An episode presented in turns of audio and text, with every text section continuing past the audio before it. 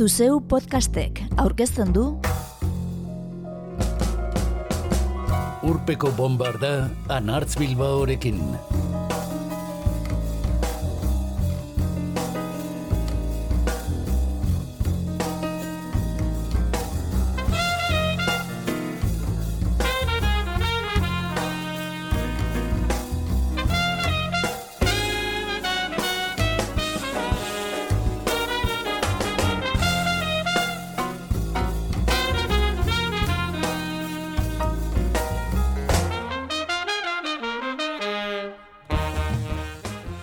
Taldeko frontman izandako Jarvis Cookerrek bere bizitzako diskoak aukeratu ditu Far Out Magazine aldizkarirako.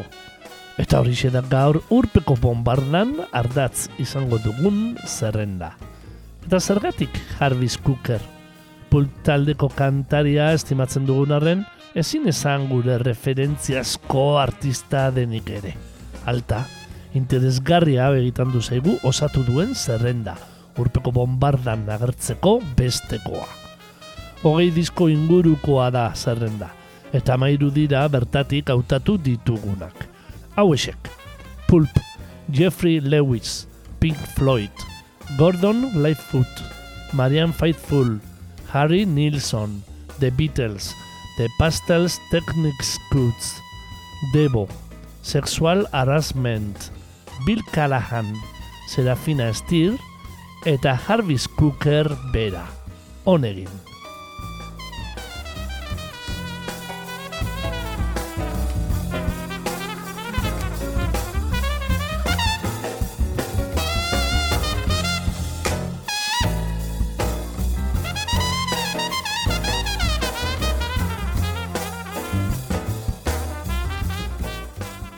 Mila bederatzerun eta irurogeta iruan ingalaterran jaiotako kantari eta irrati esataria da Jarvis Cooker, Britpop mugimenduko pulp talde txarreko kantaria.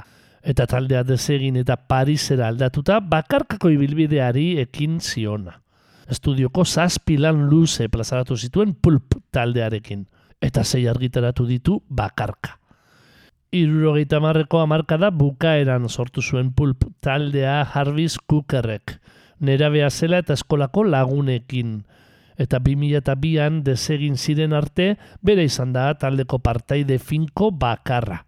Gero elkartu izan dira berriro tarteka. 2008an berbarako Bartzelonako Primavera Sound jaialdian jo zuten. Eta bertan entzun genituen guk. Pulpek mila bederatzen da laro eta Different Class du diskorik txalotuena. Common People eta disko bi mila hitak gordetzen dituena. Baina aurrekotik hautatu dugu guk saioa irekiko duena. His and Her laneko Do You Remember the First Time? Bai bai, lehen txortaldiaz ari da.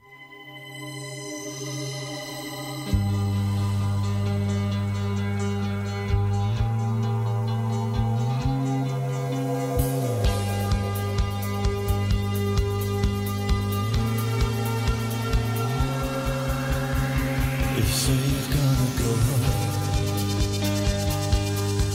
Cause he's sitting on his own again this evening. I know you're gonna let him blow your pants off again.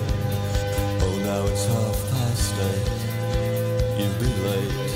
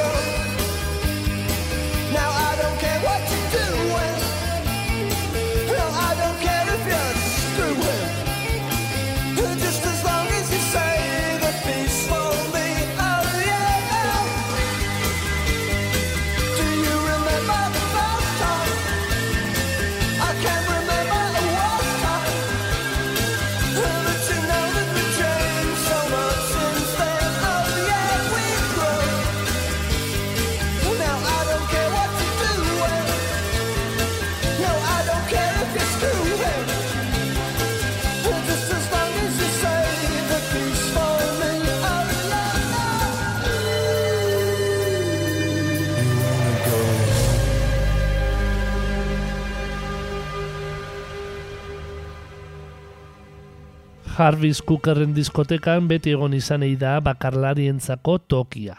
Leonard Cohen eta Jeffrey Lewis dira bizitza osoan zehar entzun izan ditudan bi musikari, eredugarriak niretzako.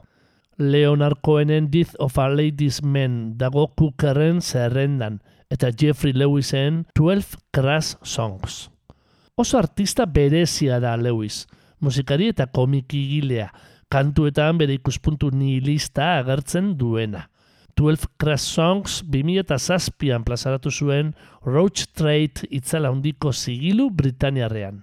Punk is Dead entzungo dugu bertatik. Aurreko urpeko bombarda, mila bederatzen derurogeita mazazpiari eta punk musikari propio eskaini geniolako hautatu duguna.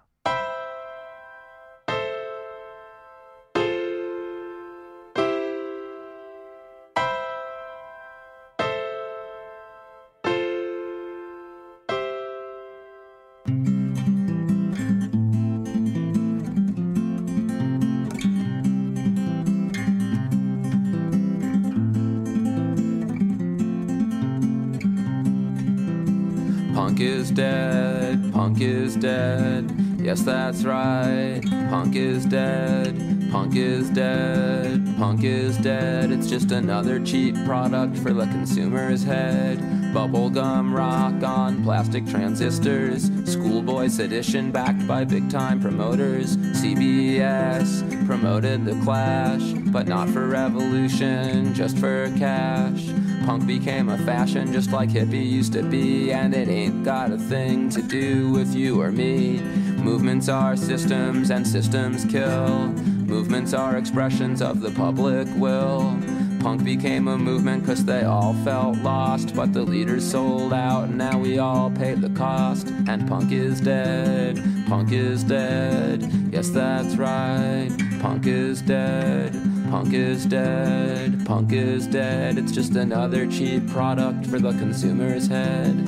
Punk narcissism was a social napalm. Rockstar punk bands started doing real harm. Preaching revolution, anarchy, and change as they sucked from the system that had given them their name.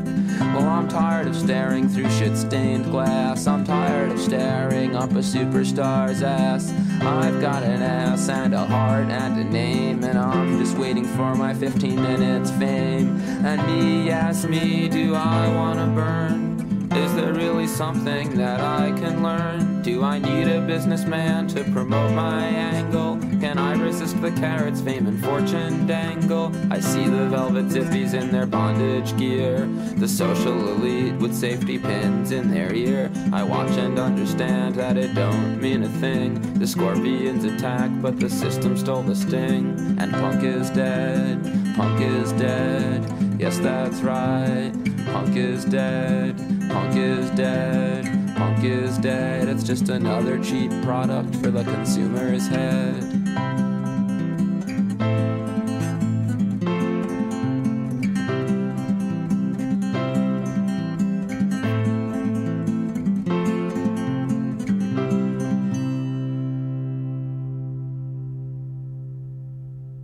Umea zela, lotan behar zuenean, zaintzaile batek jarri zuen The Dark Side of the Moon diskoko pasarte batzuk entzunen zituen Jarvis Cookerrek.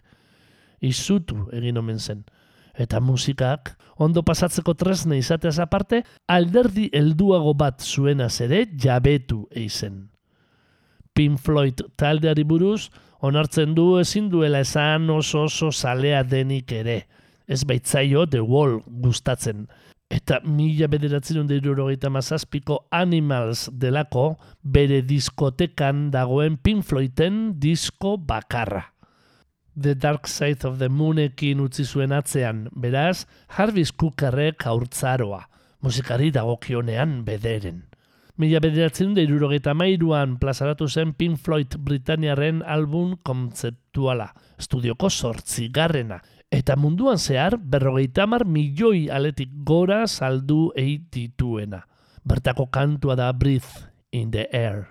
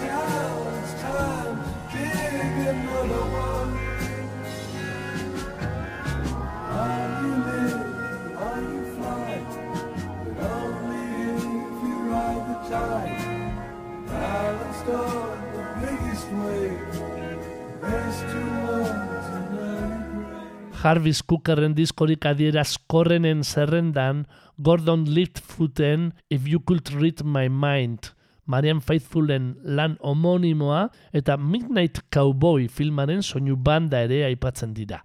Eta hirurak entzungo ditugu errenkadan. Gordon Lightfoot kanadiarraren kantua da You Could Write My Mind. Mila bederatzerun irurogeita maikan, arrakasta handia izan zuena nazio artean. Lightfoot bere dibortzioan oinarritu bide zen kantuaren hitzak idazteko.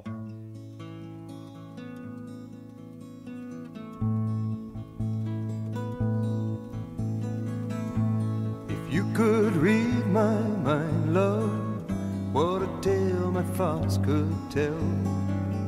Just like an old time movie about a ghost from a wishing well. In a castle dark or a fortress strong with chains upon my feet. You know that ghost is me. And I will never be set free as long as I'm a ghost you can't see. If I could read your mind, love, what a tale your thoughts could tell. Just like a paperback novel, the kind the drugstore sells. When you reach the part where the heartaches come, the hero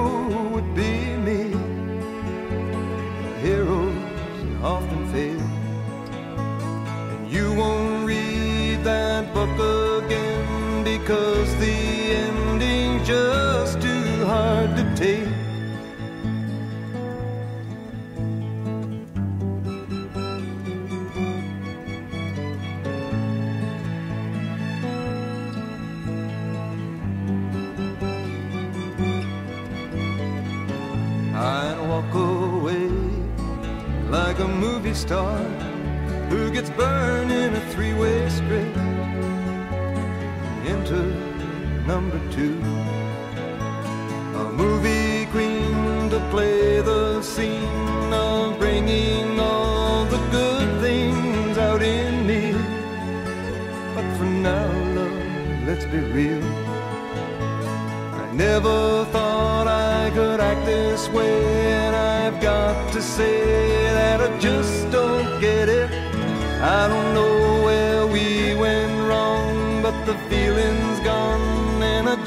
can't get it back.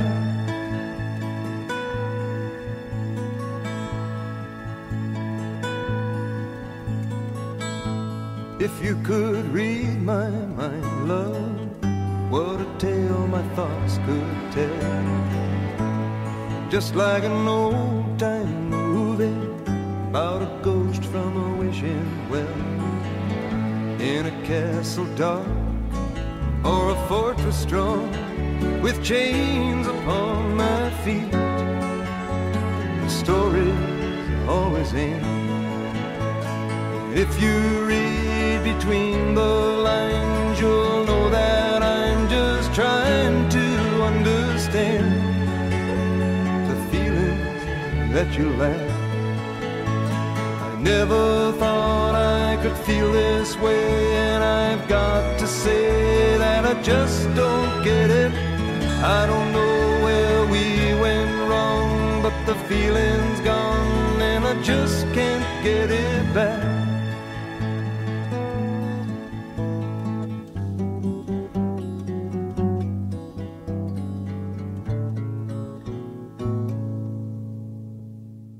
Mike Jagger eta Keith Richardsek idatzitako As Tears Go By kantuarekin abiatu izuen bere bilbide musikala Marian Faithfulek. The Rolling Stones taldeko kantariarekin oso ospetsua izan zen bikote harremana izan baitzuen.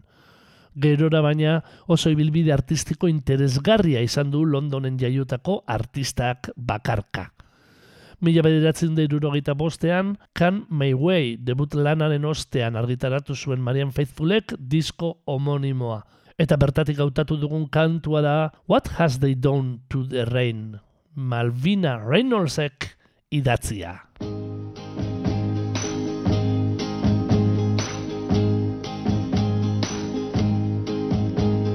Just a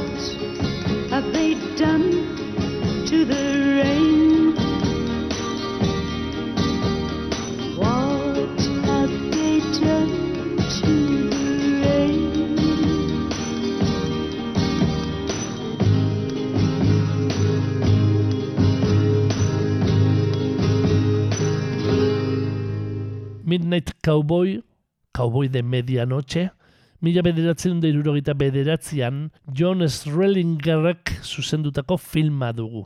Gigolo lanetan aberazteko, Texasetik New Yorkera joandako gazte baten istorioa kontatzen duena. Filmak zazpi zendapen jaso zituen Oscar sarietan, eta hiru irabazi, tartean filmik onenarena. Filmaren soinu bandak ere ospe handia erdieltzi zuen. Grammy sari bat irabazi zuen Everybody's Talking kantuari esker batez ere. Fred Neilek idatzi eta Harry Nilsonek kantatua. Beatle Amerikarra deitzen eizioten Harry Nilsoni, John Lennon eta Ringo Starren laguna zela eta. The Monkeys eta beste talde batzuentzako abestiak idatzi zituen.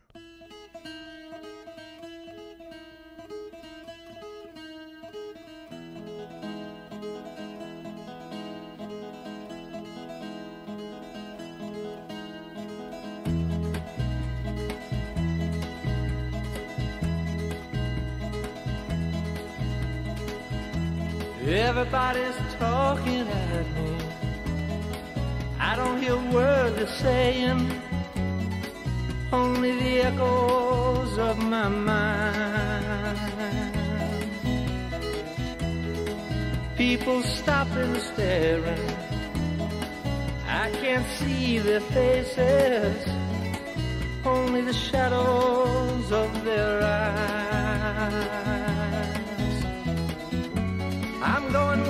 Sun keeps shining through the pouring rain. Going where the weather suits my clothes. Banking off of the northeast winds, sailing on summer breeze. And skipping over the ocean like a stone.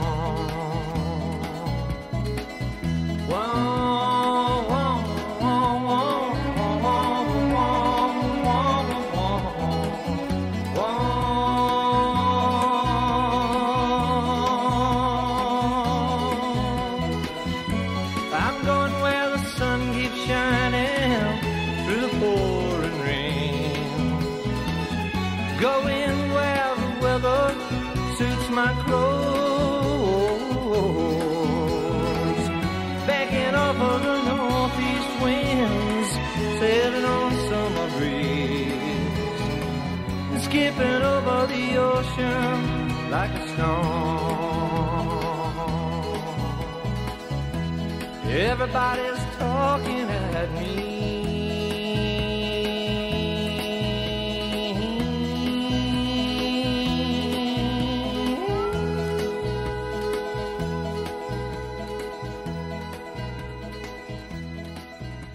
The Beatles aipatu dugu eta hemen datoz I Want You, She's So Heavy kantuarekin.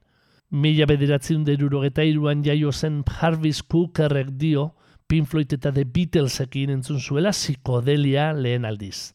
Amar amabi urte izango nituen Abbey Road diskoaren aldea izten duen kantua entzun nuenean. Txundigarria gertatu zitzaidan. Izan ere, The Beatlesen ibilbidean ezoiko kantua da I Want You, She's So Heavy. Lennonnek mila bederatzen derurogeita bederatzean idatzia eta Lennon McCartney bikoteak sinatua. Ezoikoa, diogu, kasik sortzi minutuko iraupena duelako. Amalau hitz baino ez dituelako letrak. Hard rock soinua duelako. Eta gainera, ezusteko bukaera. Taldearen azkena bestietako bat ere izan zen. Entzun. I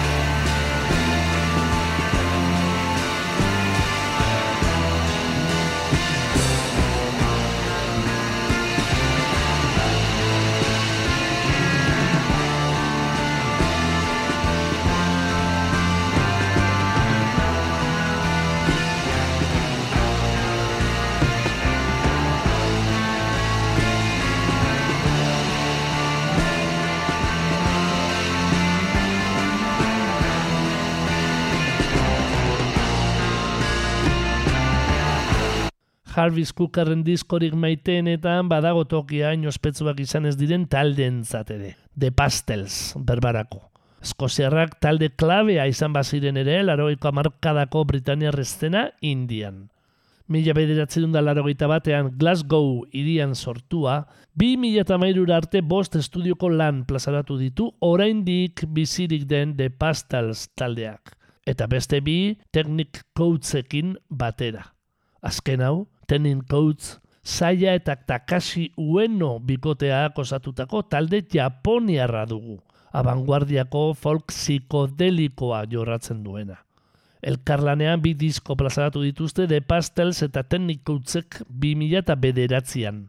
Two Sunsets bata, kukerren zerrendan dagoena. Bertako kantua da Bibit Youth.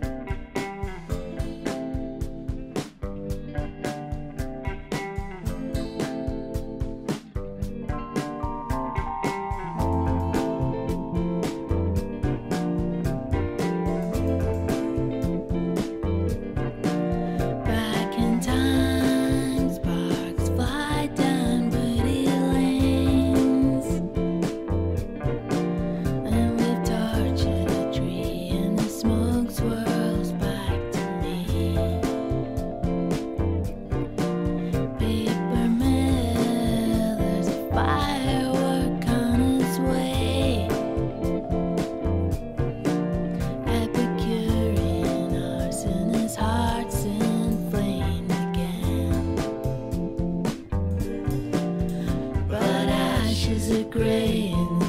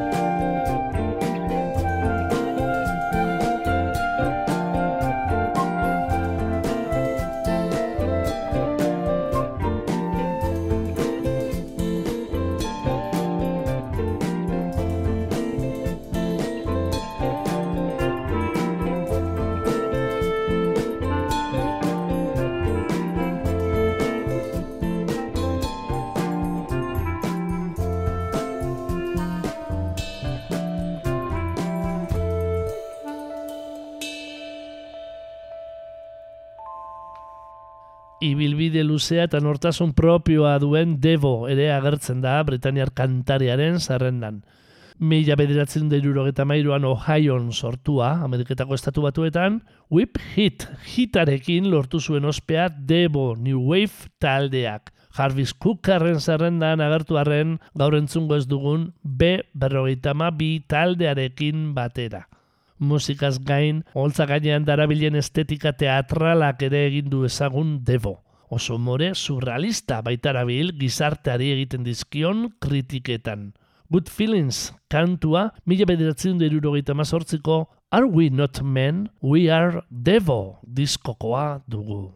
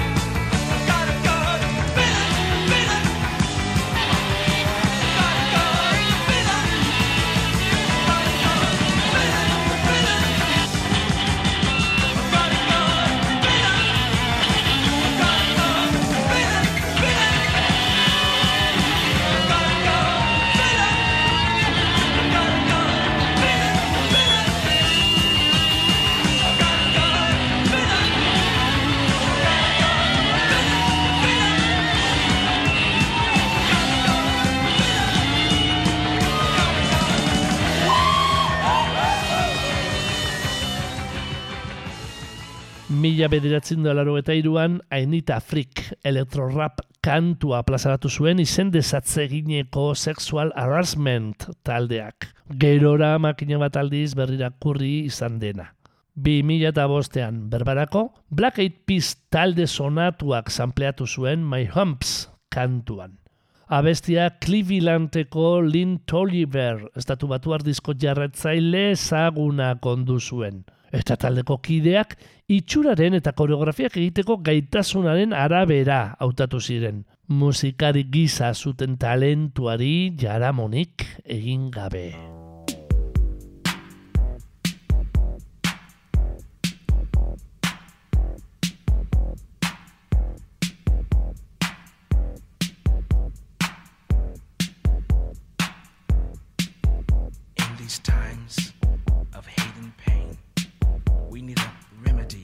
Take us from the rain.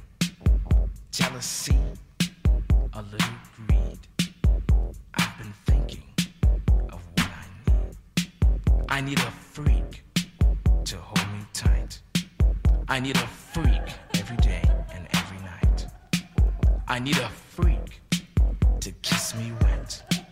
I need a freak to be my home computer set. I need a freak with curly hair. When I need this freak, I need her to be there. I need a freak with flaring curves. I need a super freak to calm my nerves. I need a freak with long, long hair. A super freak in underwear. I need a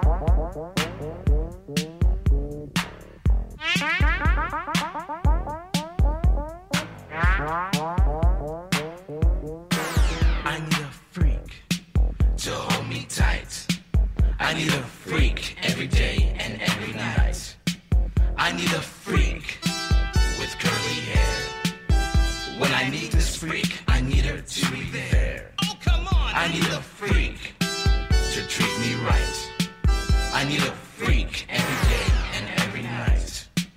I need a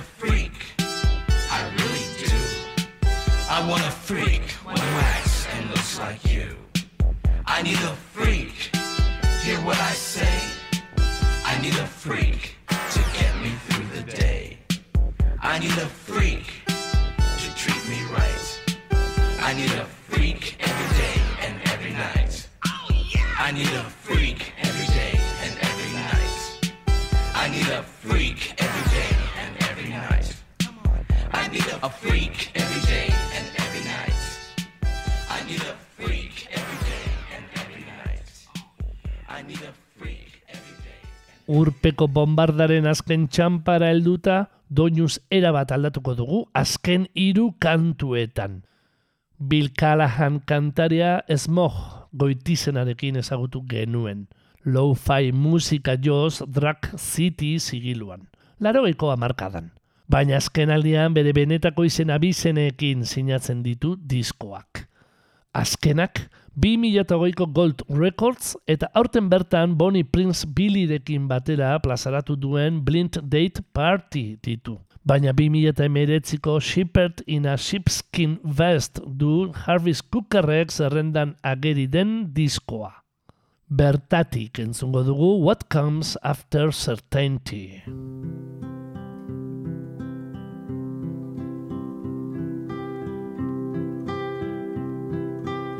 True love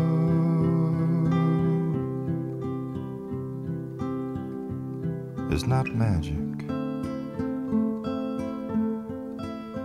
It's certainty.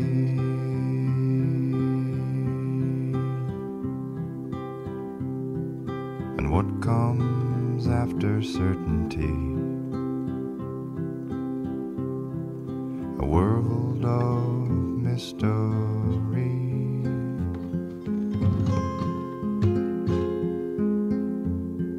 I stood on the surf in Kauai while my love videoed me on honeymoon.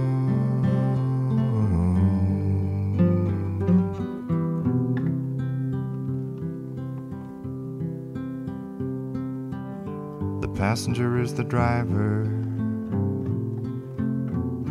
in ecstasy.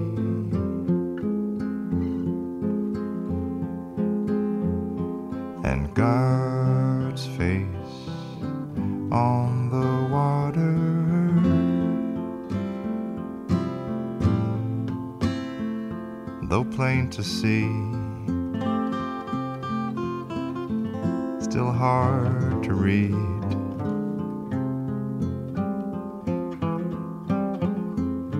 Well, I never thought I'd make it this far.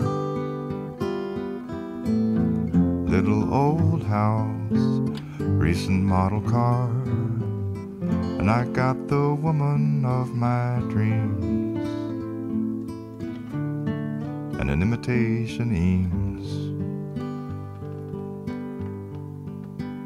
signed Willie's guitar. He sang, Hey, good looking, what you got cooking? and I signed Willie's guitar when he wasn't looking. Well, I don't believe in fate, I believe in destiny. Whoa, whoa, whoa, my destiny is swerving in the road in front of me drunkenly when you take responsibility for your own divinity. True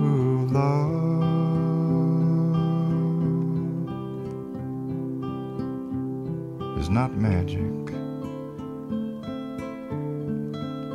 it's certainty.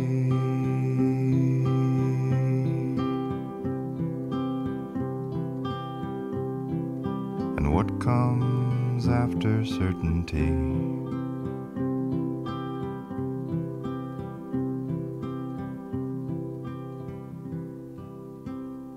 Serafina Estir arpa eta pianu jole ingelesak Chip Demo Bat Science izeneko diskoarekin egin zuen debuta Static Caravan sigiluan.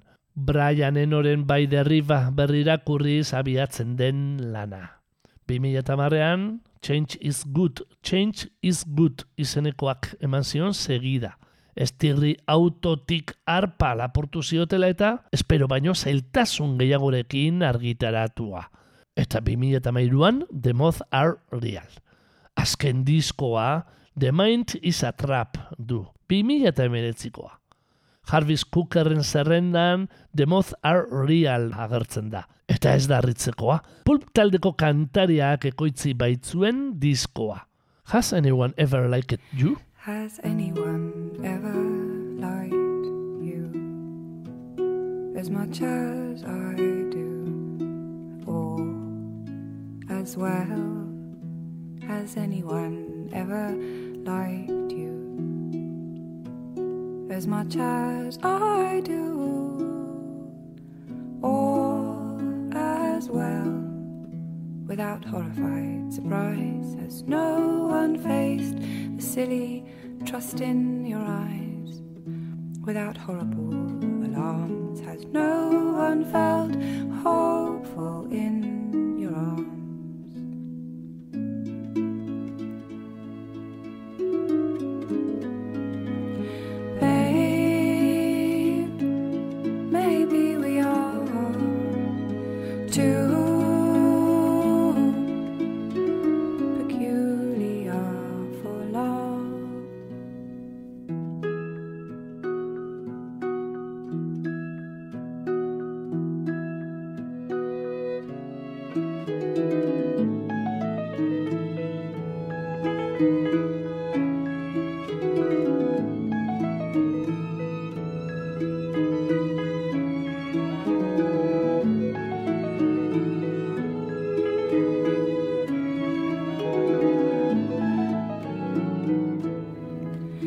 has anyone ever liked you as much as I do or as well?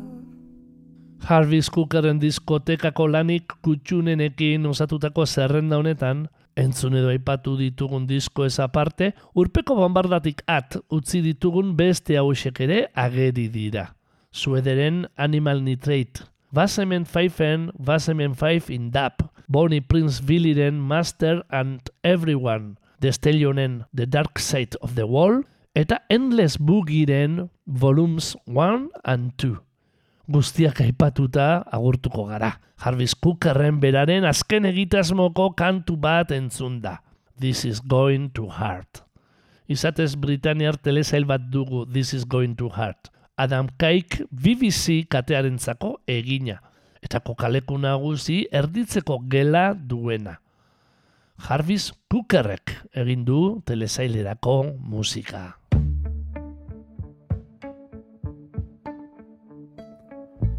This is gonna hurt. This is gonna slay you. This is gonna tear you apart. It's gonna make your eyes water. It's a major, major trauma.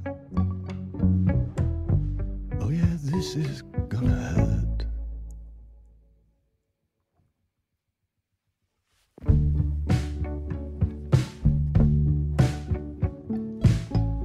This is gonna